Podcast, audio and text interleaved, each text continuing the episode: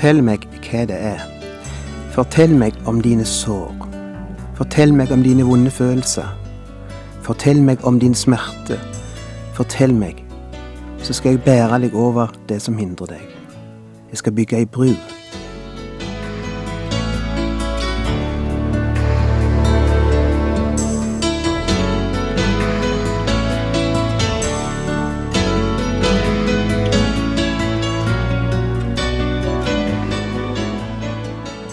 Hjertelig velkommen til et nytt program i serien Vindu mot livet. Vindu mot livet er basert på programserien Insight for Living ved Chuck Svindal. Programmet er produsert av Kristen Riksradio og blir ledet av Ola Bjoland.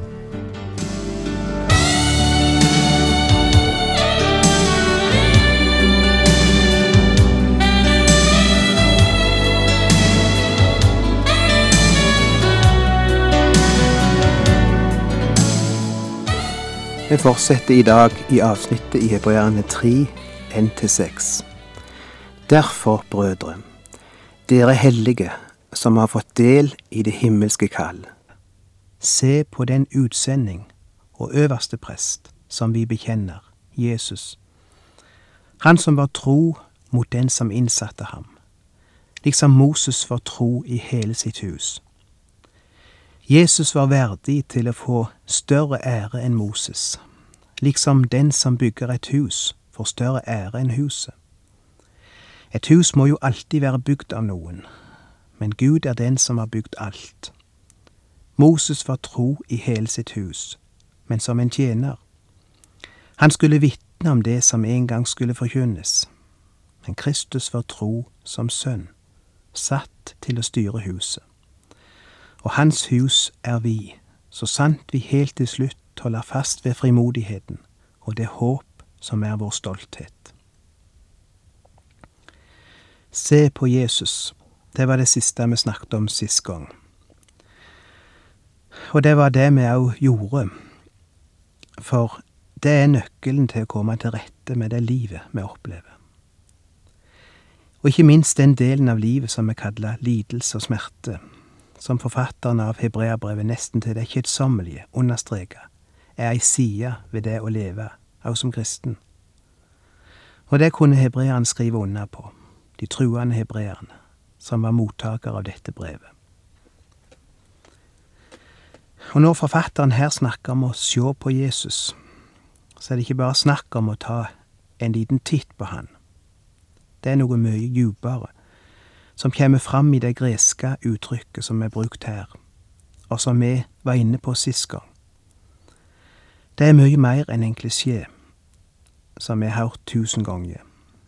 Det innebærer tanken på å sjå inn i, å sjå gjennom overflaten, eller gjennom skallet, og virkelig oppdage hvilket perspektiv liv og lidelsen kommer inn under, når vi ser det fra hans synsvinkel. En sier om dette ordet. Det betyr ikke bare å legge merke til noe. Hvem som helst kan se på noe, legge merke til noe, uten virkelig å se hva de ser, uten å oppdage hva det er. Ordet her innebærer en oppdagelse, en aha-opplevelse. En får et nytt perspektiv som gjør at alt kommer i et annet lys. Og hva er det du vil sjå? Hva vil du finne? Du vil blant annet finne han som her er kalt utsending, eller apostel. Interessant å sjå at han blir kalt apostel her, som betyr en som er utsendt. Og den som er sendt han ut, er Gud. Og han er utsendt i et spesielt oppdrag, nemlig å komme deg til hjelp i livet. Komme deg til hjelp når du sliter. Derfor blir han rett etterpå kalt øverste prest. Et interessant ord. På latin heter det pontifex. Vet du hva det betyr? Det betyr brobygger. En som bygger bro. Det minner meg alltid om da jeg bodde i Chicago. I sentrum av Chicago er, er det en del kanaler. Og det må vel være mange hundre bruer som går over disse kanalene i dette utrolige nettet av veier og gater som er i denne millionbyen. Og en guide fortalte meg en gang at en stor del av disse bruene var konstruert og bygd av en norsk innvandrer. Så de er faktisk litt norske, alle disse særmerkte bruene rundt om i Chicago. Og uten disse bruene ville trafikken ha stoppa opp. For ei bru er noe som tar meg over fra ei side til den andre når jeg står overfor et vann eller ei elv som jeg ikke kan komme over ved ei og hjelp. Og det er tanken som ligger i dette ordet pontifax, som er den latinske oversettelsen av øverste prest, som er tittelen Jesus får her. Han er en brobygger. Først og fremst er han sjølve brua ifra meg til Gud, og ifra Gud til meg. Hadde ikke han bygd bru der, så hadde det vært en avgrunn imellom oss. Og det er der forresten òg. Men nettopp derfor skal jeg gå over, få lov å gå over ei bru, og den brua er Jesus, og den tar meg rett over denne avgrunnen som mennesket ellers ikke er i stand til å forsere. Og han er òg den brua jeg skal få gå på i livet.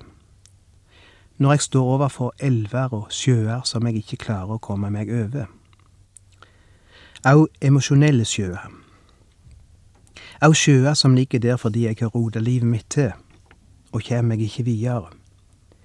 Kjem meg ikke over det hav av rot som har skilt meg ifra Gud og som gjør at jeg ikke riktig våger å komme tilbake til Han igjen. Sjå på Jesus, sier hebreerbrevet. Øverste presten, brobyggeren, han som bygger bro over ditt hav av negative følelser, over frykt, over din skam, over din bitterhet. Og så mange som er gått på den brua, og dermed sluppet å bli siggende fast i bitterhet og vonde følelser. For han står ikke der og bebreider deg. Han sier, Fortell meg hva det er. Fortell meg om dine sår. Fortell meg om de vonde følelsene. Fortell meg om din smerte. Fortell. Så skal jeg bære deg over det som hindrer deg. Jeg skal bygge ei bru. La oss gå en tur til jobb. Vi må liksom innom jobb av og til når vi snakker om vanskelige følelser og slike ting. For han hadde opplevd det. Det er som når vi opplever noe vondt i livet og ikke riktig vet hvordan vi skal håndtere det. Og plutselig kommer vi på et menneske som har opplevd noe lignende, og så sier vi la oss ta en tur til han. Han har opplevd noe av dette. Kanskje han kan hjelpe oss. Og slik tenker jeg nå. La oss besøke jobb litt i dag, for han vet litt om dette. Kapittel ni i Jobbs bok. Noen har den forestilling at Jobb var en stille, mjuke og milde mann som satt i sine sår og si oska og, og lydig lot seg tære opp av smerten uten et mukk. Men det er feil. Det er ikke Jobb. Jobb hadde en sterk vilje. Han sloss og kjempa like mye som andre ville ha gjort om de fikk oppleve det som han fikk oppleve. Vers 32 ved kapittel 9. Han er jo ikke en mann som jeg, så jeg kan gi ham svar og gå for retten sammen med ham. Det er ingen voldgiftdommer som kan legge hånden på oss begge og avgjøre saken mellom oss. Å, om Gud tok riset bort, så frykten for ham ikke skremte meg. Da talte jeg uten å frykte ham, for jeg vet at jeg ikke har til det. Det er en interessant tekst. Jobb sitter der nedslått og knust. Livet har vært så urettferdig imot han, han syns Gud har vært så urimelig imot han. Han skulle ha likt og sagt Gud noen sannhetens ord om det han har opplevd. Han syns alt er så ufattelig og så urettferdig. Men han kan jo ikke komme noen vei med Gud. Gud er jo Gud, og jobb er bare jobb. Jobb er bare et menneske. Hvordan kan han reise sak mot sjølveste Gud? eller kreve noen forklaring hos Gud. Han er ikke nubbesjans. Han har ikke noe han skulle ha sagt. Om han ennå hadde hatt en advokat, en som kunne talt hans sak, en som kunne komme gjennom hos Gud og ført fram argumentene på en måte at de ble hørt. Vet du hva Jobb sakna? Han sakna en pontifex. Han sakna en brobygger. Og det som tilhører Guds familie. Vi har en sånn en. Ikke en fjern, kald guddom som står i hjørnet med papir og blyant og sjekker ut vår teologi fra dag til dag. Vi har en barmhjertig øverste prest, en advokat som med ørene veldig åpne der han sitter ved de seng og lytter, eller står ved de sida og åpner hjertet for det du bærer på. Endog for dine spørsmål og din bitterhet. Si det til han. Han hører, og han tar saken din opp med Gud. Og han har ikke tatt på seg den oppgaven sjøl. Det er Gud som har innsett han til dette. Det er Gud som har utpekt han til å ta vare på din interesse og tale din sak. Han var tro mot den som innsatte ham, liksom Moses var tro i hele Guds hus.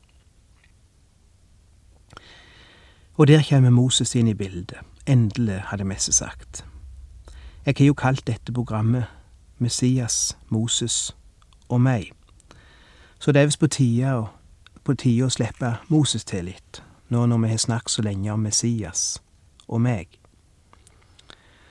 Husk at dette brevet er skrevet til jøder, som hadde en veldig respekt for Moses. Ingen kunne røre ved Moses. De hadde hørt mor og far snakke om Moses i sine heimer så langt tilbake som de kunne huske. De hadde hørt tusen ganger om da han ledet israelsfolket ut av Egypt, over Rødehavet og alt det der. De hadde hørt at han snakket direkte med Gud, ansikt til ansikt. De hadde hørt han gjør utrolige under framfor øynene på den egyptiske farao, så han skalv i buksene. Å nei, du rører ikke ved Moses. Men vet du hva jeg tror? Jeg tror disse jødene sto i fare for å dyrke sine helgener og sine helter mer enn de dyrka Gud. For når Jesus kom og representerte Gud, fordi han var Gud, så var det alltid Moses er sagt, Moses er sagt, Moses er sagt. Og så brukte de Moses som alibi for å avvise Jesus. Og forfatteren av hebreerbrevet ville ha slutt på den slags helgendyrkelse. Ikke at en skulle avvise det Moses hadde skrevet. Tvert om, det var jo Gud som hadde talt gjennom Moses. Men Moses som person var ikke noe annet enn et menneske sjøl om han nok kanskje var et av de største som har levd. Og her blir Moses altså sett inn i sitt i det rette perspektiv. Jesus var verdig til å få større ære enn Moses, liksom den som bygger et hus får større ære enn huset. Et hus må jo alltid være bygd av noen, men Gud er den som har bygd alt. Moses var tro i hele Guds hus, men som en tjener. Han skulle vitne om det som en gang skulle forkynnes. Men Kristus var tro som sønn, satt til å styre huset. Og hans hus er vi, så sant vi helt til slutt holder fast ved frimodigheten og det håp som er vår stolthet. Hus, ja, det ordet forekommer sju ganger i disse fem versene. Da må det være viktig. Hvis du spør noen på gata kan du si meg hvor Guds hus er, så vil antagelig de fleste peke på et høyt spir og si det må være det du mener, det må være kirka du tenker på. Hvis du spør en jøde i dag, så vil han peke på tempelet, selv om det ikke eksisterer lenger, men ruinene er der. Noen av murene er der fremdeles. For folk er Guds hus den plassen der han samles til bønn og lovsang, og der en lytter til Guds ord. Vi går til et hus, og vi kaller det Guds hus. Men du vil ikke finne noen plass i Det nye testamentet, eller i den første kristne kirka, der truende refererte til en bygning som Guds hus. Det minner meg om en gang jeg fikk besøk på mitt kontor av ei unge jente, en student. Og hun var nok ikke så vant med å stille opp på en prest sitt kontor, og kontoret mitt lå i tilknytning til kirka, og jeg la merke til at hun virka veldig nervøs. Og mange mennesker som kommer inn på en press sitt kontor, oppfører seg ofte veldig rart, nervøst, av en eller annen grunn, og hun var ikke noe unntak. Hun var den mest sjølsikre jente jeg kunne tenke meg når hun var i andre omgivelser, men her virka hun nervøs og usikker. Og hun kom inn og satte seg ned, og jeg sa hei. Hun svarte hei. Hvordan går det? prøvde jeg meg. Fint, det går fint. Jeg mener, hvordan har du det? fortsatte jeg. Jeg har det fint, kjempebra. Er det noe som er galt? spurte jeg. Nei, galt? Ingenting, jeg har det topp. Og da gikk jeg rett på sak og spurte, er du redd? Og hun svarte, redd? Ja, jeg er redd, sa hun. Jeg er så redd, pastor. Og jeg spurte, hvorfor er du redd? Hun svarte, jeg blir så nervøs her inne. Gud bor jo her.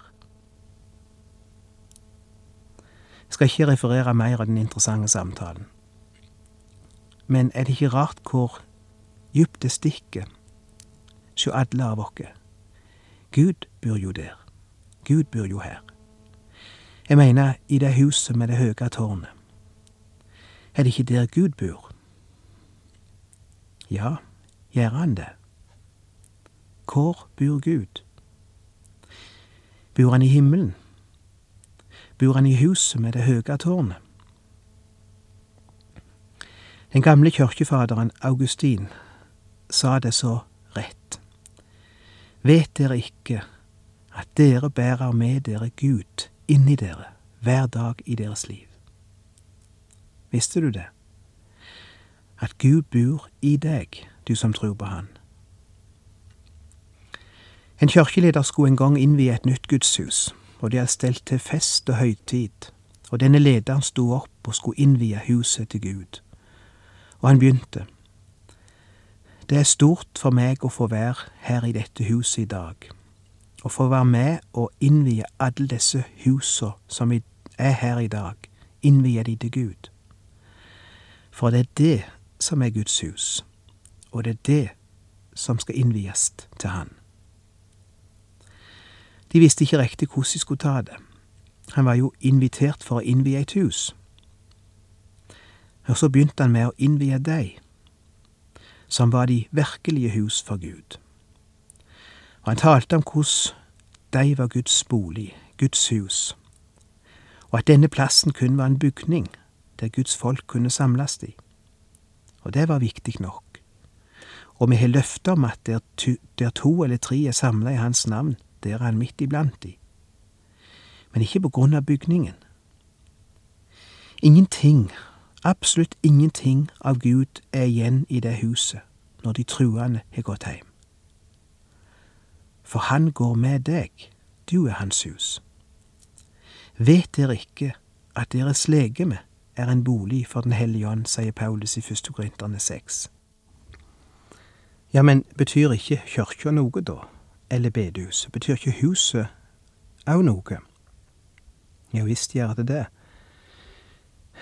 Det er ikke galt for så vidt å kalle det Guds hus, bare en er klar over at huset egentlig er de mennesker som Gud bor i.